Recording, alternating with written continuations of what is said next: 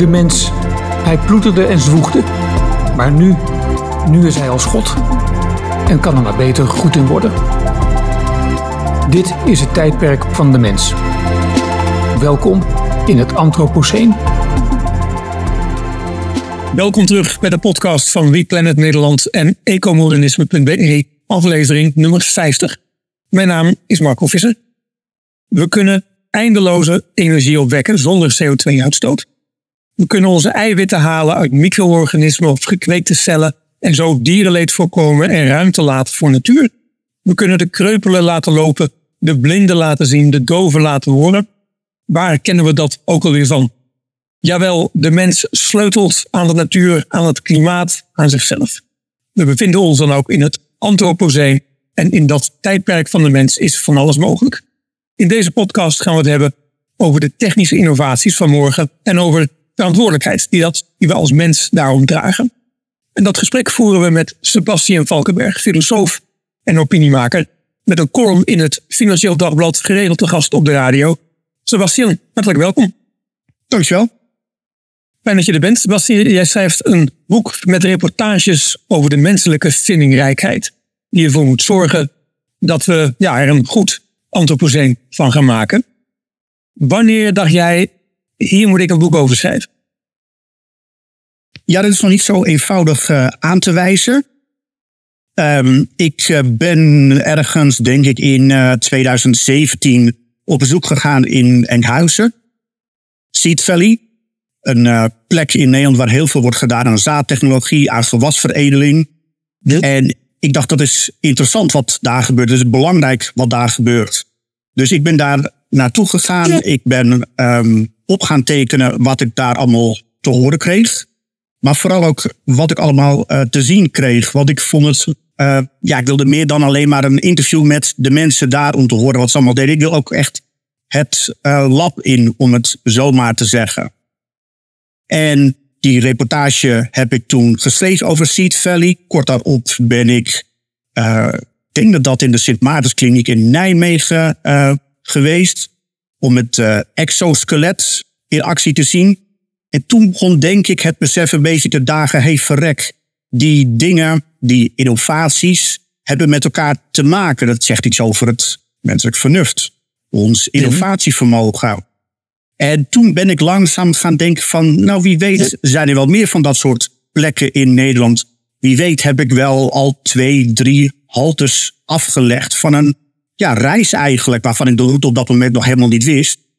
Maar toen ben ik ze wel gaan proberen op te zoeken, te kijken wat voor bestemmingen nog meer pasten in dit, uh, in dit patroon.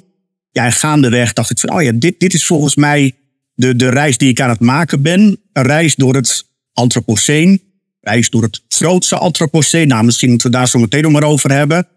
Ja, en toen ik dat idee te pakken had, toen dacht ik van, dan moet ik er ook een boek van, uh, van maken. Ja, en, het patroon waar je het over hebt, is dat het patroon van de mens die in vergaande mate ingrijpt in de natuur en in zichzelf? Ja, maar dat is nog net iets te, te breed of te vaag. Het is denk ik nog meer de mens die op een soort doelbewuste manier ingrijpt. Die op een soort doelbewuste manier zijn invloed aanwendt. Om uh, nou ja, zijn, zijn, zijn, zeg maar de omgeving naar zijn of haar hand uh, te zetten. Want die invloed hebben we natuurlijk altijd al gehad. Uh, nou nee, ik moet iets preciezer zeggen, niet altijd. Pak een beetje de afgelopen 200 jaar. Hè? Dus uh, grofweg het begin nee. van de industriële revolutie. Wij gingen uh, CO2 uitstoten. Dat werd steeds meer. En ons levenscomfort ging geweldig omhoog. We werden ouder. Het leven werd leuker. Het leven werd prettiger. Maar ja, gaandeweg, zonder dat we er al te veel oog voor hadden. Zonder dat we het in de smiezen hadden. Ja, had dat wel als gevolg dat uh, de aarde opwarmde. Dus dat is eigenlijk de manier hoe het antropoceen klassiek wordt geïnterpreteerd.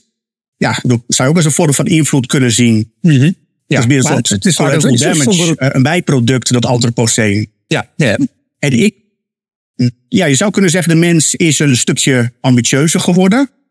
Um, het is nu tijd om wat, ja, voorheen een beetje, ik heb het ook wel zeggen, het, het, het achterloze antropoceen genoemd, wat een beetje terloops tot stand kwam, is het nu zaak, en het is al volop gaande, hè, om dat antropoceen meer bewust richting te geven. En dan ook met oog voor natuur en klimaat, die er uh, voorheen ja, toch een beetje bekaaid van afkwamen. Dus um, er staat iets meer op het spel dan alleen maar dat we onze invloed uh, moeten doen gelden, maar echt op een soort doelbewuste, planmatige manier, om het zo maar te zeggen. Jij noemt het ambitieus, maar het is ook een soort um, volwassenwording, lijkt het dan naast. Dat wij nu wat wijziger zijn dan 200 jaar geleden. Ja, wat wijzer, maar tegelijkertijd heb ik ook wel een soort aarzeling bij die term. Klinkt misschien ook een beetje uh, aanmatigend.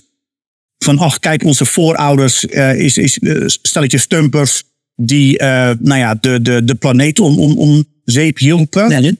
Het is natuurlijk het milieu bestaat eigenlijk pas sinds kort. Uh, het klimaat is in zekere zin nog jonger. Um, dat heeft te maken met. Je, je, je bedoelt um, dat het milieu en klimaat uh, nog wel kort bestaan als, als, als, uh, als vorige kindjes, om het zo te exact, zeggen. Exact, dat bedoel ik inderdaad. En het heeft ermee te maken dat we natuurlijk steeds preciezer apparatuur hebben gekregen. Waarmee je kunt ontdekken nou ja, dat het inderdaad niet zo goed gaat met uh, de lucht, zal ik maar zeggen, die blijkt toch wel erg verontreinigd. Of uh, dat er uh, best wel heel veel CO2 in de atmosfeer zit. En ja, verrek, dat is niet goed. Dus je moet instrumenten hebben om het te registreren. Maar ik denk nog wel belangrijker is, je moet het je kunnen permitteren om je er zorgen om te maken. Dus laten we die voorouders van 150, 200 jaar geleden eens nou ja, proberen voor de geest te halen. Dus zij merkten net dat ze zich wat aan het ontworstelen waren aan de, ja, aan de schraalte, zal ik maar zeggen. Dus eh, tot pak beetje 1800 werden mensen niet oud. De kindersterfte was hoog. Mensen waren arm, weinig scholing. Nou, zo kan nog wel een tijdje doorgaan. En dat begon toen langzamerhand, uh, en als je het historisch bekijkt trouwens, razendsnel, te veranderen. Dus ja, mensen begonnen te proeven van de vooruitgang. Dus ik kan me zelfs voorstellen dat als ze wel in de smiezen hadden, nou ja, dat dat milieu, de natuur of het klimaat ja, erbij inschoot, dat ze ook dachten, ja, weet je, uh, boeien. Uh, weet je, daar haal je je schouders over op als je bezig bent om je te emanciperen. Dus dat is mijn relativering met dat wij uh, wijzer zijn dan eerdere generaties. Het is ook vooral dat wij, ja, we hebben de kennis en we kunnen het ons ook permitteren. We zijn natuurlijk ook ontzettend welvarend. En voor milieu en klimaat moet je ook gewoon veel geld hebben. Ja, helder. Vertel eens over die uh, innovaties waarover jij schrijft in het boek waar je nu nog mee, uh, mee bezig bent. Je noemde net Seed Valley bij Enkhuizen. Met ook een ziekenhuis bij Nijmegen. Wat, wat heb je allemaal gezien op jouw reis? Nou, wat ik ontzettend leuk vond was bijvoorbeeld uh, vorig voorjaar, toen was ik in, in Barneveld of all places. Ik bedoel, je verwacht niet meteen daar te belanden. Midden in de Bijbelbelt uh, hebben we het over. Wat zeg je? Midden in de Bijbelbelt. Midden in de Bijbelbelt, maar vooral ook het, uh, ja, het, het, het epicentrum van onze pluimveesector. Ja. Dus ik was daar uh, op bezoek bij een broederij. Geen boerderij, maar een broederij. En die broederij die was eigendom van respect. En dan spel je uh, respect niet met een C, maar met uh, dubbel G. Dus het is een beetje een melig woordgrapje, Duits bedrijf. Maar wat er achter de schermen gebeurt, dat is wel iets meer dan nou ja, een melig woordgrapje. Er staat echt serieus iets op het spel. Want wat ze beogen, maar ze ook in slagen, is om um, eieren, eigenlijk al, al, ik moet zeggen, van eieren in een vroeg stadium te bepalen wat er uitkomt. Is het een haantje? of een hen? Is het een mannetje of een vrouwtje? Nou, waarom is die kennis nou feit? Waarom is die kennis uh, belangrijk? Omdat je in dat geval ook ontzettend veel ja, dierenleed kunt uh, besparen. Uh, en dat sluit natuurlijk mooi aan bij waar we het net over hadden in het grootste antropoceen. Dat we daar tijd en middelen voor vrijmaken. Want moet even uitleggen, Sebastian. Op wat voor manier bespaart het dierenleed? Zeker, zeker. Dat ga ik proberen. Um, nou, kijk, op dit moment is het zo. Wij hebben uh, dames, uh, kippen, kippen, hennen nodig. om eieren te leggen die wij op zondagochtend weer kunnen eten. Mannetjes heb je helemaal niets aan, want die leggen geen eieren. Dus die zijn economisch gezien waarloos. Hun vlees is ook niet geschikt om nou ja, uh, op te eten als uh, in, de, in de vorm van kipfilet. Dus wat er nu gebeurt is, uh, eieren worden uitgebroed. En pas nadat ze zijn uitgebroed, kan die schifting worden gemaakt. De vrouwtjes die uh, mogen meedoen, die gaan, nou ja, worden, worden aan het werk gezet. Die leggen eieren. De mannetjes die gaan ofwel door de shredder, ofwel worden vergast. En uh, dat gaat echt om, om reusachtige aantallen. Ja. Dus als je dat in een vroeg stadium al, al in het ei hè, kunt bepalen, ja, dan hoef je die mannetjes niet eens geboren te laten worden om ze daarna uh, nou ja, een kopje kleiner te maken. Ja. Ja. Dus ik vond dat um, indrukwekkend om te zien. Um, maar ik vond het ook echt oproerend, of uh, sorry, ontroerend om op een gegeven moment zo'n zo'n zo'n zo'n wit ei eigenlijk in je hand te houden. Met daarop een groen stempel. Met daarop een uh, ja, vrouwtjessymbool. Meer was het eigenlijk niet. En tegelijkertijd gaat er een hele wereld achter schuil. Uh, die, die, die, nou, die veranderende wereld die ik daarnet uh, schetste. Dat heb ik ook vaker gehad hoor, in het, ja, in, in het antropocene, om het zo maar te zeggen. Dus ik had wel verwacht dat de dingen die ik tegenkwam, dat ik de wauw of uh, ontzag, of dat ik onder de indruk zou zijn. En ik was ook, ik had ook ontzag, ik was ook onder de indruk. Maar dat ik ook echt regelmatig ontroerd was, bijna zoals je naar een kunstwerk kan kijken, dat had ik van tevoren niet gedacht. Uh, dus dat vond ik dus voor mij even de verrassingen van deze reis door het grootste antropoceen. Ja, zin, zin. Nou zou ik eigenlijk hopen dat we die hele kippen niet meer uh, nodig hebben om nog meer dierenleed te voorkomen. Maar misschien ben ik dan iets te ambitieus voor het antropoceen dat jij beschrijft. Ja, twee, twee antwoorden uh, daarop. Het is natuurlijk um, heel mooi als we de hele uh, bio-industrie zouden kunnen vervangen door bijvoorbeeld ja, kweekvlees. Mhm. dus dan heb je geen beesten meer nodig om toch uh, vlees uh, nou ja, op het bord uh, te krijgen. Dus dat is één optie. Zover zijn we nog lang niet. Ik besteed er overigens wel ook aandacht aan in mijn, in mijn pool. Andere oplossing is natuurlijk om massaal vegetarisch, veganistisch te worden. En natuurlijk is dat ook een oplossing. Tegelijkertijd vlakt dat niet uit dat deze innovatie van respect tegelijk wel een enorme triomf al is. Het is niet zo dat je de hele bio-industrie ermee uh, afschaft. Want ja, uh, de uh, hennen, die moeten natuurlijk wel nog steeds gewoon meedraaien in dat systeem. Tegelijkertijd ben ik daarmee niet geneigd om de baten daarvan ja, te, te relativeren of daar schouder ook ophalend over te doen. Volgens mij was dat George Monbiot in zijn laatste boek, die ook zoiets zegt van, als je nou probeert ja, veranderingen in ons voedselpatroon, of eigenlijk in ons eetpatroon moet ik zeggen, om die door te voeren, probeer dan ook aansluiting te zoeken zoveel mogelijk bij bestaande patronen. Want op zichzelf, ja, veganisme, eh, vegetarisme, dat is nobel, dat is mooi. Maar ja, wat is nou echt het, het uh, aandeel in, in nou ja, de afgelopen jaren, zal ik maar zeggen.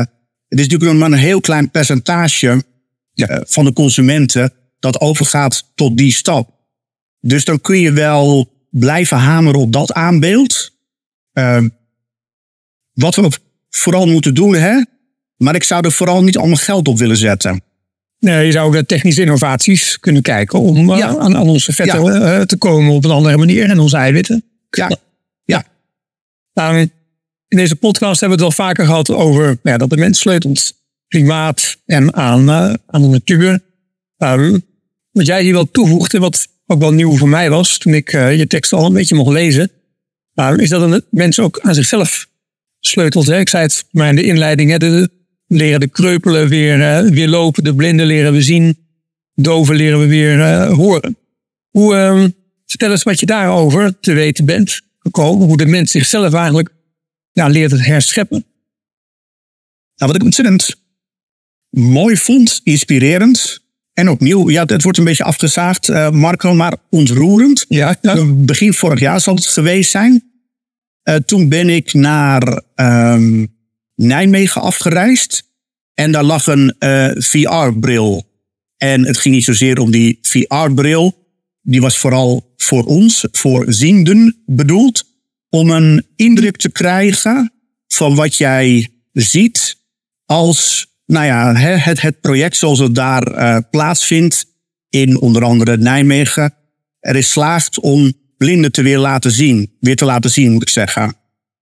Dus waar ze nu mee uh, ja, aan, aan, aan de slag zijn, is om te kijken of ze via een zogenaamde breinchip, die dan weer aangesloten is op uh, ja, een camera, die de beelden opvangt, signalen door te geven aan de hersenen, waardoor mensen die al heel lang niet meer kunnen zien, niet slecht zien, maar gewoon helemaal niet meer, ja, dat die weer uh, beelden uh, binnenkrijgen.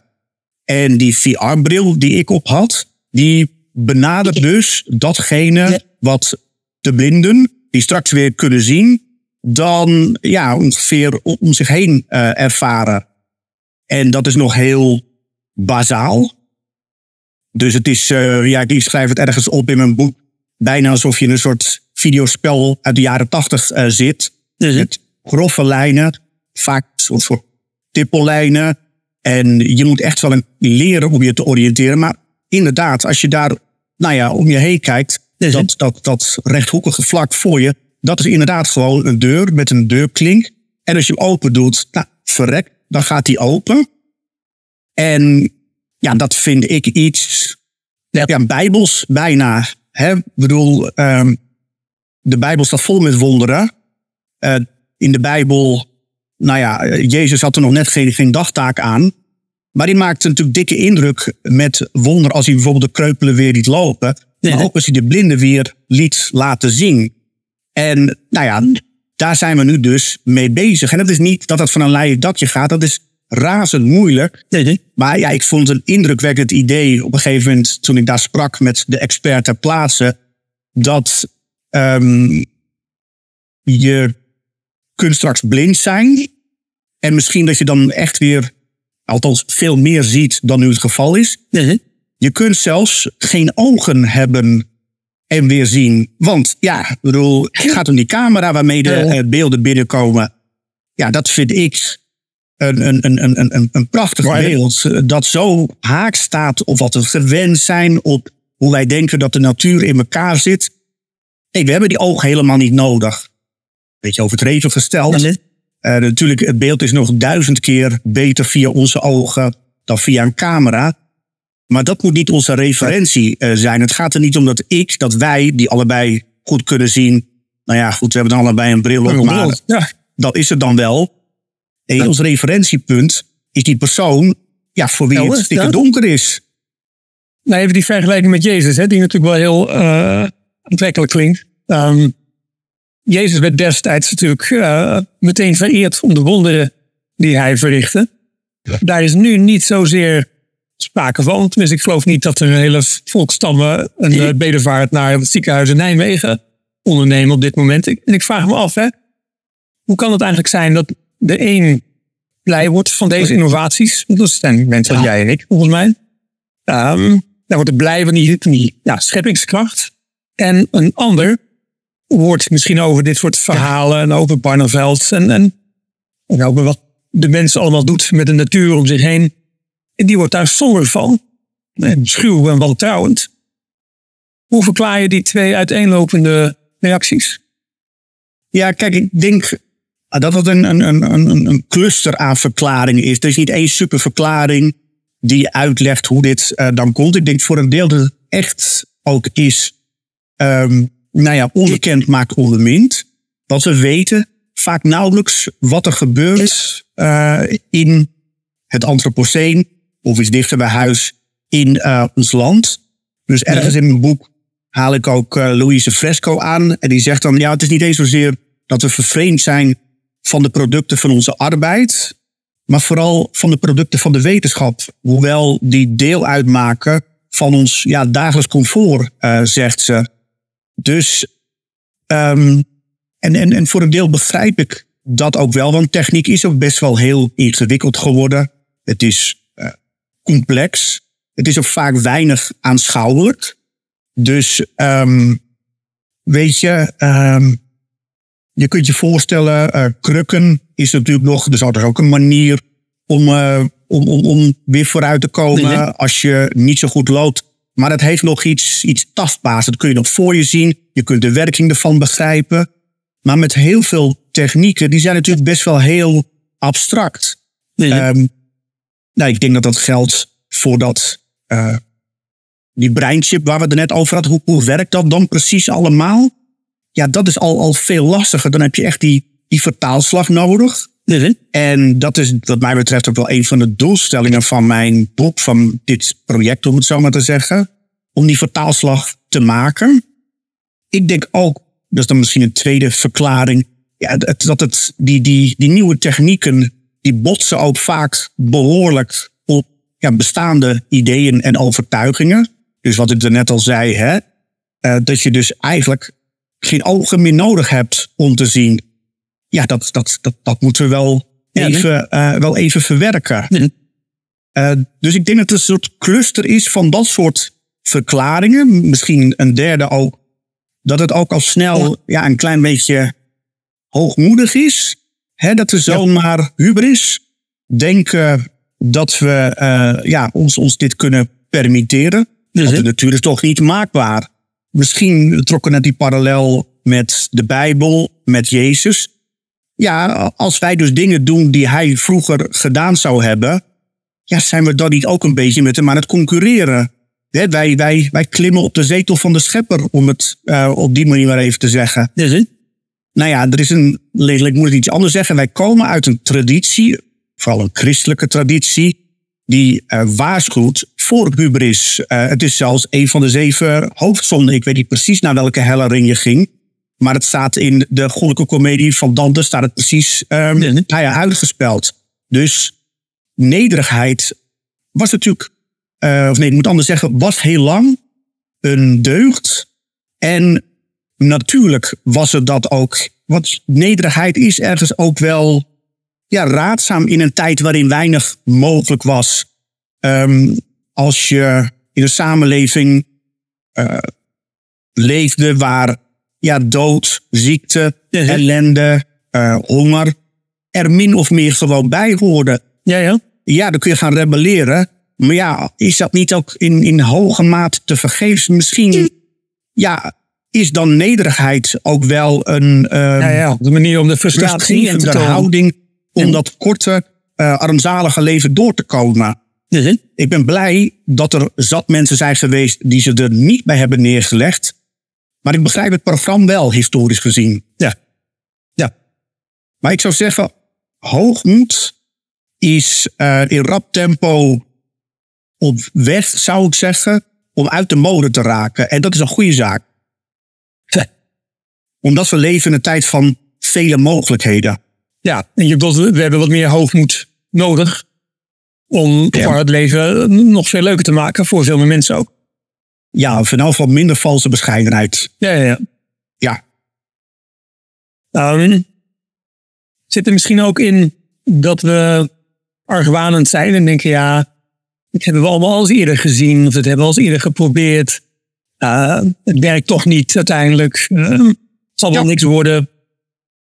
Nou ja, en, en, en in zekere zin, of tot op zekere hoogte, hebben die kritische ook wel gelijk. Want dit is natuurlijk ook hoe het pad van de innovatie uh, verloopt. Het is niet zo dat er één iemand een idee heeft. Die trekt zich vervolgens terug, terug in zijn schuurtje. Die bouwt dat idee om tot een uitvinding, daadwerkelijke innovatie. En verrek, het werkt. Nee, dat is natuurlijk niet hoe innovatie werkt. Dat is een soort, soort tastende manier van werken. Uh, iemand bedenkt iets, uh, dat lukt niet. Hij gaat terug naar de tekentafel, past het ontwerp aan en het werkt al ietsjes beter. Nee, dus, hey, nou ja, dat is de, de, het, het, het ritme van de vooruitgang natuurlijk ook. En je natuurlijk mooi vergelijken met een processie van echte nacht van drie stappen vooruit en twee weer terug. Dus als mensen zeggen, ja, dit, dit, dit hebben we al gezien, dan hebben ze in zekere zin gelijk. Maar dan wijzen ze vooral op die twee stappen terug. Uh, ik denk alleen als je iets meer uitzoomt, dat dan, zou zeggen, de, de grote lijn toch wel is dat de innovatie ons verder brengt. Uh, en ik, dat, dat is meer de algemene lijn, maar ik zag het ook gewoon op de, de werkvloer. Uh, het lab waar ik, uh, waar ik dan op bezoek was. Dus bijvoorbeeld, nou ja, zoals ons gesprek begonnen bij uh, Respect, de broederij. Is het? Volgens mij waren ze daar al met de vierde of de vijfde generatie bezig van, nou ja, ik zal maar zeggen, de machinerie. Dus uh, heel concreet, van links komt een ei aangesneld. Daar wordt er een heel klein gaatje in gemaakt. Want er moet een klein beetje zuur, of sorry, vloeistof uit worden gehaald. Dat dan vervolgens naar het lab gaat, waar de computer kijkt. Wordt het een mannetje, wordt het een vrouwtje? Wordt het een haantje of een hen? Dat gaatje, dat werd eerst gemaakt door een speld. Een hele kleine speld. Dat ging niet zo goed. Uh, inmiddels wordt het gedaan door een laser. En het gaat heel veel beter. Dus het, het is ook gewoon het ritme van de vooruitgang. Um, je kunt ook te ongeduldig zijn. Dan ben je te kritisch voor techniek, voor technologie, voor innovatie. Het, uh, we hebben het over uh, de boerderij in uh, Barneveld gehad op de Veluwe. We vertelden over Enkhuizen bij het IJsselmeer. Uh, volgens mij dat ziekenhuis in Nijmegen eh, zit ergens in de bossen. Elders in de Sint-Maartenskliniek. Ja, ja. Ligt prachtig, ja elders uh, in Petten ben je geweest, bij NNG, zit in de duinen. Uh, je hebt het over een, een, een, flat in Poeldijk, een industrieterrein in het Belgische Nieuwspoort. Ja. Uh, je bent twee keer naar Amsterdam gegaan, hebben we geteld, maar uh, verontschuldigend, dat was in Zuidoost naast de IKEA. Ja, zeker. Ik vroeg me af, waar, hoe komt het nou dat we voor de innovatie, en het is echt een hele spannende innovatie waar jij op schrijft, hoe komt het nou dat het helemaal niet in de Randstad zit, waar, we toch allemaal, waar het toch allemaal zou gebeuren? Wat zegt ons dat? Ja, nou ja, die, die indruk had ik dus ook wel tijdens mijn reis door het Anthropoceen. Dat we in, in, in de woorden van uh, Floor Milikowski een klein land zijn met verre uithoeken. En verdraaid vaak zat ik in die uithoeken, uh, viel mij op. Nou, je gaf er net al verschillende voorbeelden van. En ik denk dat dat er ook voor een deel wel mee te maken heeft dat we er oh ja, relatief weinig van weten. Wat er gebeurt in die uithoeken. Hè? Dus uh, Seed Valley, uh, die, die zaadtechnologie die er plaatsvindt, die gewasveredeling, dat is echt nou ja, Champions League niveau. We zijn wereldspeler en misschien is dat zelfs wel een eufemisme, maar wie weet dat? Nou, ik denk dat het voor een deel ermee te maken heeft dat we toch erg gefocust zijn op um, het Binnenhof, die vierkante kilometer daar. Nee, nee. Want ja, dat is ja, de plek waar de politiek plaatsvindt. Um, misschien dat we ook vooral gericht zijn op wat er in Hilversum plaatsvindt. Aan de talkshowtafels. Nou, dat zijn dan vooral de, de talking heads. Die daar het beeld bepalen en het gesprek van de dag. En nou ja, misschien eh, heeft er ook mee te maken, ja, hoe komt het dan um, dat, dat technologie of, of, of pleitbezorgers daarvan minder aan het woord komen, minder aan bod komen. Technologie is ergens ook niet zo mediageniek. Het is, het is lastig om het in een one-liner even aan de talkshowtafel uh, te droppen. Um, het is vaak ook uh, ja, niet, niet meteen inzichtelijk of tastbaar. Uh, zeker ook de, de, ja, de lange historische lijn waar het mee verbonden is. Dus je hebt een boel woorden nodig om uit te leggen hoe belangrijk techniek is, wat er allemaal gaande is. Dus ik, en, en wat ik daarnet ook zei, uh, je kunt niet meteen de belofte doen van, ach, techniek levert wel. Nee, ja, het is drie stappen vooruit, twee weer terug. Mhm. Dus het, het, het, het leent zich minder makkelijk voor de, voor de, voor de soundbites, uh, zal ik maar zeggen. Uh, ten opzichte van de politici, die een soort ja, natuurlijke aandacht krijgen en de talking heads aan de uh, talkshowtafels staan dit soort verhalen al snel, nee, ik moet zeggen, beginnen met een 1-0 achterstand. Um, dus ik denk dat dat een, een reden is waarom we er relatief weinig van, eh, van, van, van weten. Wat er allemaal gebeurt hè, in, die, in die verre uithoeken. Ehm, maar goed, dan, dan nog steeds viel het me op dat het eh, niet per se plaatsvond aan, eh, nou ja, ik zal maar zeggen, op het uh, Routers-eiland. Waar bijvoorbeeld, of, of het Science Park in de Watergraafsmeer, waar dan de, de Bertha-faculteit zit van de UvA. Of voor mijn part het, eh, de, de, de Biotech Hub bij Leiden. Ik denk dat het er ook mee te maken heeft dat wat ik heb gedaan is ook niet zozeer de hele harde wetenschap geprobeerd om die te verkennen. Van wat is het theoretisch allemaal mogelijk.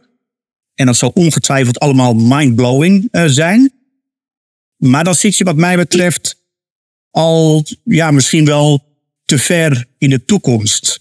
Uh, dus de wetenschap, de, even uh, grote stappen snel thuis, houdt zich bezig met theoretische mogelijkheden. Dat als we die komende jaren vertalen in praktische toepassingen, ja, dan zijn die misschien over 25, 50 jaar verder weg. Nee, nee. En dat is niet de um, toekomst geweest waarin ik in, geïnteresseerd was. Ik wilde geen science fiction bedrijf. Ik wil echt ja, toepassingen, technologieën wilde ik uh, betrappen die er nu al zijn of aan zitten te komen. Nee. En ik denk dat die vanwege die, uh, nou ja, soms zeggen betrokkenheid eerder op technologie, op innovatie, in plaats van de, de, de keiharde uh, wetenschap, dat je al sneller belandt op de anonieme, af en toe een beetje troosteloze industrieterreinen in Poeldijk of in Gent. Dus meer aan de rafelranden van zowel het land als de rafelranden van de stad. Of eigenlijk uh, stadjes, moest ik, moet ik vaak zeggen. Want ja, Poeldijk, Enkhuizen, Petten, veel is het allemaal niet. Mhm. En toch was, waren dat de plekken waar ik Ja. moest zijn. En dan nog, hè, ook al, ehm, ik snap je keuze hoor, voor, hè, om innovaties te betrappen terwijl ze gaande zijn. Uh, dan zit je natuurlijk veel dichter op, uh, op ja, de, de, praktische toepassingen die eraan zitten te komen. En dan nog blijft het lastig. Hè? Um, nou, het voorbeeld dat jij beschrijft, historie bijvoorbeeld. Um, Ja. In mijn boek over kernenergie ben ik een beetje sceptisch over thorium. Wat volgens mij nog erg um, weg zal zijn. Maar ook um, een heel nieuwe brandstof voor kernreactoren. Vergt gewoon zoveel aanpassingen in uh, regelgeving. Maar ook uh, bij alle toeleveranciers. Zo'n verandering is niet zo heel gemakkelijk uh, gemaakt. En dat geldt voor innovatie in alle sectoren uiteindelijk. Uh, alle innovatie stuit op allerlei tegenkrachten. Ja. Omdat de economie nu eenmaal op een bepaalde manier is ingericht. En het systeem niet zit te wachten op hele grote veranderingen in principe. Um, dus ik vraag me wel af hoe, hoe jij die tegenkrachten inschat wanneer het komt op uh, de innovaties Ja. waar we het nu over uh, gehad hebben. Ja, ik denk dat je verschillende tegenkrachten kunt onderscheiden. Nee. Dus um, heel, heel prozaïs of, of banaal mag je ook zeggen, is gewoon uh, geld. Nederland is geen land voor R&D, Research and Development. Ja. Wat dat betreft zijn we echt een uh, ontwikkelingsland, om het zo maar te zeggen. Wij geven een vrij klein percentage uit aan uh, R&D. Als je het vergelijkt met uh, Duitsland, met Zwitserla Zwitserland.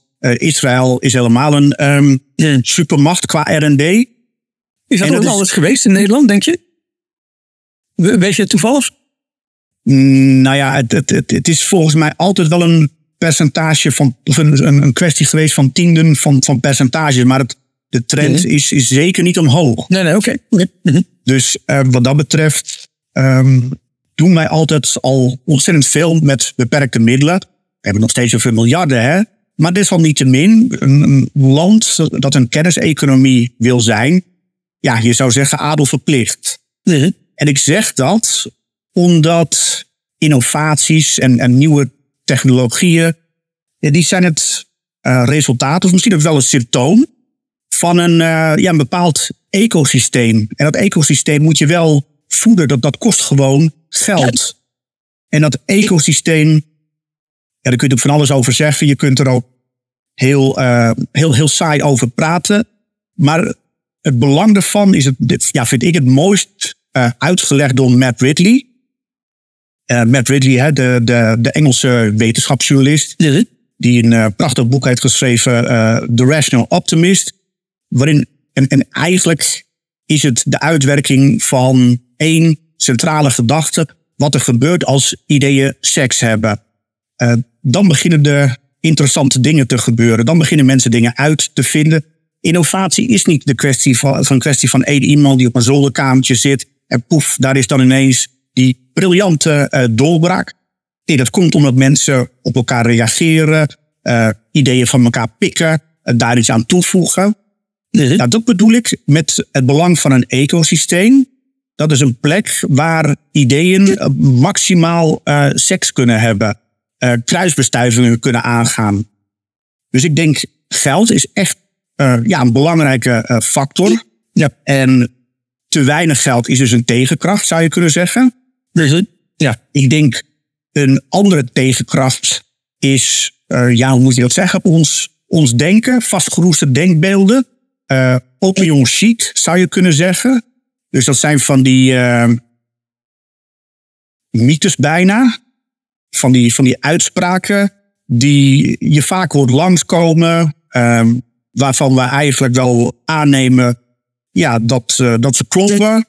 En um, ze gaan ook allemaal, ja, in, zetten zich vast in de, in de hoofden. Terwijl ze helemaal niet per definitie uh, waar zijn. Um, en, en, je bedoelt al daarvan. Meer, uh, die conventionele wijsheden die, die cynisme in de hand werken. Bedoel je van dat zal allemaal niet werken? Bedoel je zoiets? Nou, ik bedoel vooral omdat jij het had over die innovatie. Hè, dat stuit dan op, uh, op tegenkrachten. Ja. Ik vond een, een, een heel concreet voorbeeld. Uh, ik wou zeggen een mooi voorbeeld, maar zo mooi is het voorbeeld niet. Was in uh, Poeldijk, waar een, uh, een groenteflat staat. Tont, moet ik inmiddels zeggen. Want het bedrijf is er helaas niet meer. Doe, maar ik mocht er wel. Kort aan geld, misschien. Ja, ja, ja, ja, ja zeker, inderdaad. Ja. Maar het neemt, maakt overigens mijn, mijn, mijn bezoek dus ook niet met terugwerkende kracht waardeloos. Ik heb er veel geleerd. Onder andere dus ook dat wat zij daar deden uh, in die uh, groenteflats, die trouwens op allerlei plekken in de wereld staan, dat is ja, fantastisch. Dus allerlei slaasoorten, er staan er veel kruiden. En die staan eigenlijk onder de ja, perfect uh, klimatologische nee, nee. omstandigheden. Ik, ik, ik, mocht ook proeven, rucola sla geloof ik. Nee. Ja, dat, dat, smaakt fantastisch. Um, er is er worden geen pesticiden gebruikt. Uh, er zijn uh, ja, geen um, uh, insecten of, of andere organismen die die plantjes gaan, gaan lopen Mhm. aanvreten. Dus je zou Gebruikt heel weinig land. Wat zeg je? Er gebruikt heel weinig landoppervlak. Je gebruikt heel weinig land. Daar moet Europa ontzettend blij mee zijn. Europa dat het vignet uh, biologisch uitdeelt. Hè? Mhm. Dus ja, dat, dat, dat is een vignet dat is geld waard. Uh, want het is natuurlijk een, een, miljardenindustrie geworden. Ze ondersteunen um, producenten die biologisch boeren.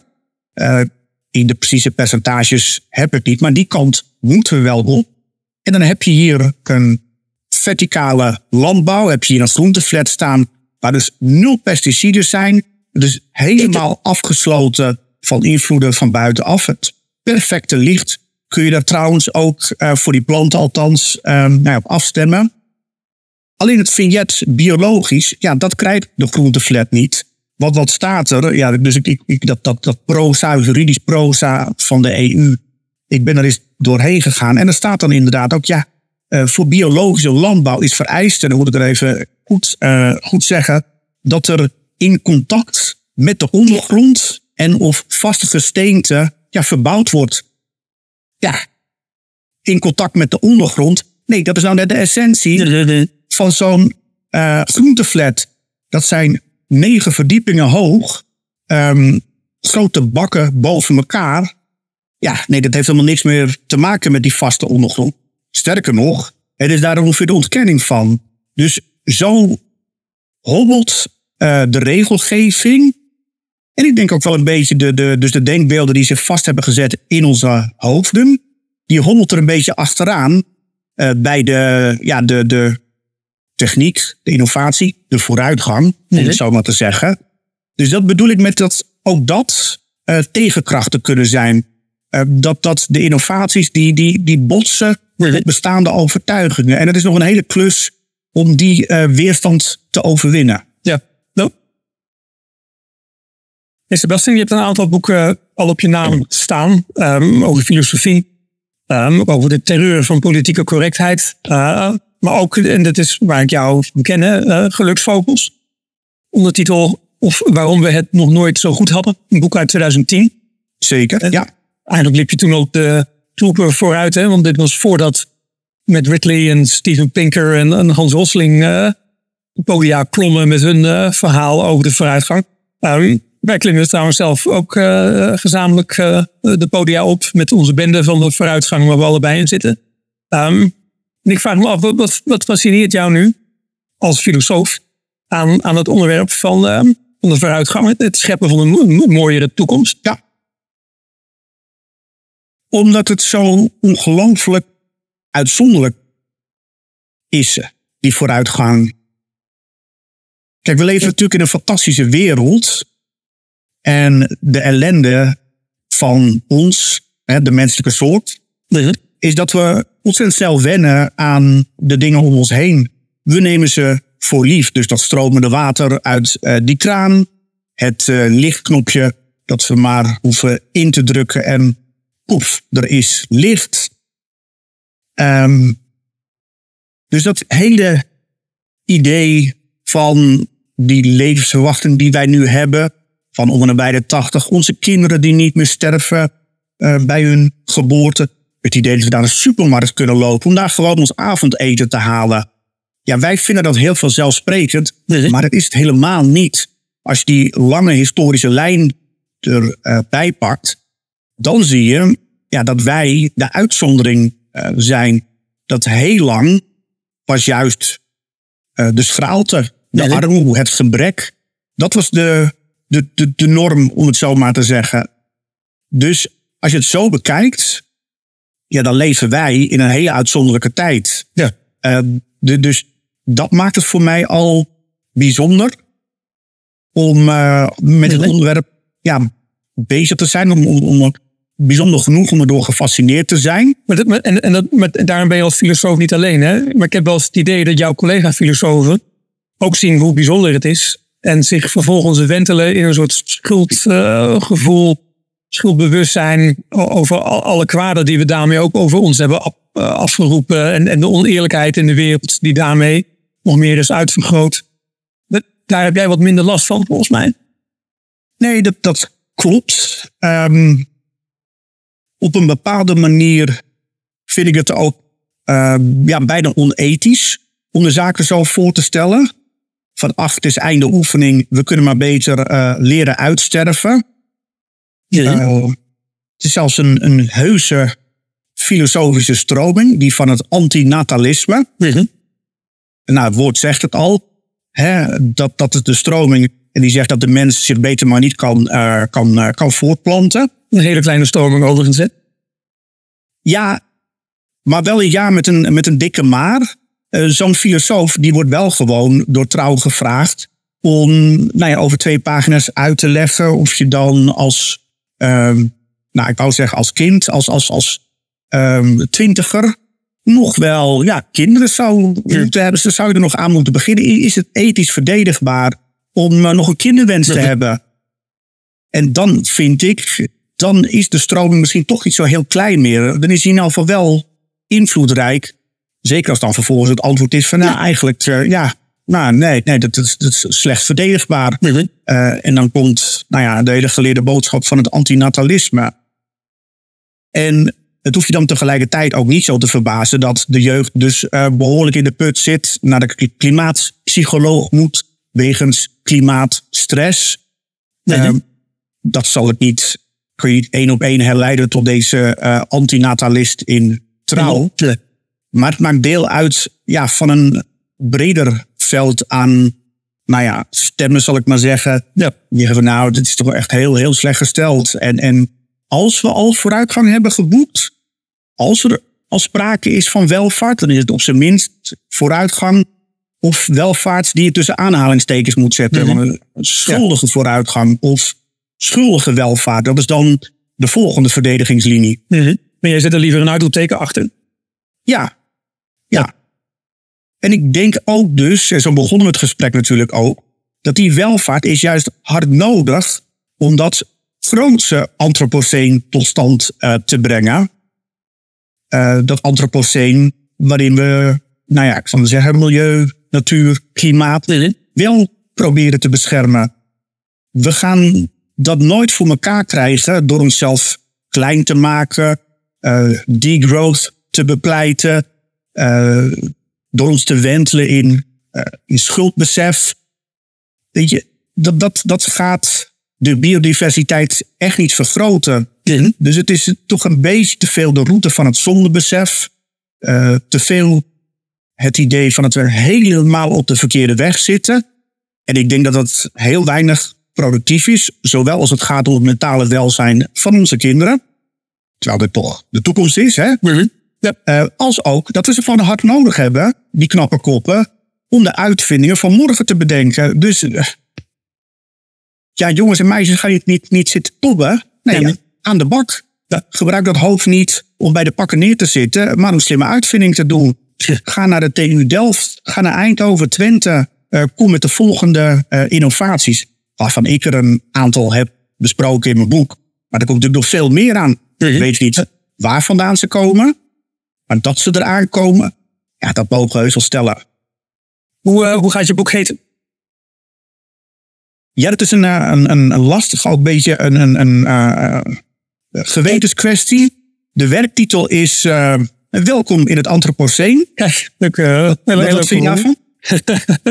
Ja, Goed ik wist hè? natuurlijk van. Wij, wij hadden dit week toevallig als al, ook al eerder. toen ik jou eerder vroeg naar je boek, toen bleek dat, eh, dat ik op precies hetzelfde moment met deze werktitel zat voor, eh, voor de podcast. Ja, Nee, dus dat, nou, dat, dat zou er één kunnen zijn. Ja, Ehm, ja. Ik vind hem nog wel een beetje deftig. Misschien wel een tikkeltje te deftig. Ja. Dus het kan ook worden eh, kaas zonder koe. Ja. En andere uitvindingen uit het tijdperk van de mens. Ja, kijk, het antropoceen, voor zover het woord al bekend is, hè, maar het, het wordt vaak op een negatieve manier gebruikt. Nou, vind ik het juist leuk om, om het als een geuzennaam te zien. We moeten juist Ja. heel trots zijn dat we eindelijk in het antropoceen zitten. En eh, een hopelijk verstandige keuzes maken om er een eh, mooi tijdvak van te maken. Maar het is niet een, een ingebeurde term. eh, wat dat betreft snap ik kaas zonder lijkt me een, een hele slimme keuze. Ja. Ja, nee, dus de, de, de gesprekken over omslag en titel gaan nog, gaan nog beginnen. Maar ik geloof dat ik neig naar kaas zonder koe. En dan met een, een, een mooie koe voorop bijvoorbeeld. Of, of juist niet. Nee, Dus ja, wat zeg ik nou? Ja, Nou ja, dat is allemaal eh, vakwerk ook voor de, voor de uitgeverij. Ja. neem. Ja. Wanneer ehm, kunnen we het boek verwachten? Weet je dat? ja ik vermoed dat het eh, ergens oktober, november 2024 eh, gaat worden. Maar goed, we kunnen jou in de gaten houden op, eh, wat is het, LinkedIn en ehm, X ook? Nee, hè? Vooral LinkedIn, ja. Vooral LinkedIn, precies. Ja, ik ben een bescheiden social media gebruiker. Insgelijks. Ehm Sebastian Valkenberg, hartelijk dank voor eh, dit mooie gesprek. En succes met het eh, afmaken van je, van je boek. Dankjewel. En beste luisteraar, u bedankt voor het luisteren. Deel deze podcast met vriend en vijand en speur in ons rijke archief naar meer gesprekken over mens en natuur. Precies 50 afleveringen zijn er nu en gaan er even tussenuit. Deze podcast van The Nederland en ecomodernisme.be krijgt wellicht een passend vervolg, dus hou ons vooral in de gaten. Dank voor het luisteren en graag volgende keer.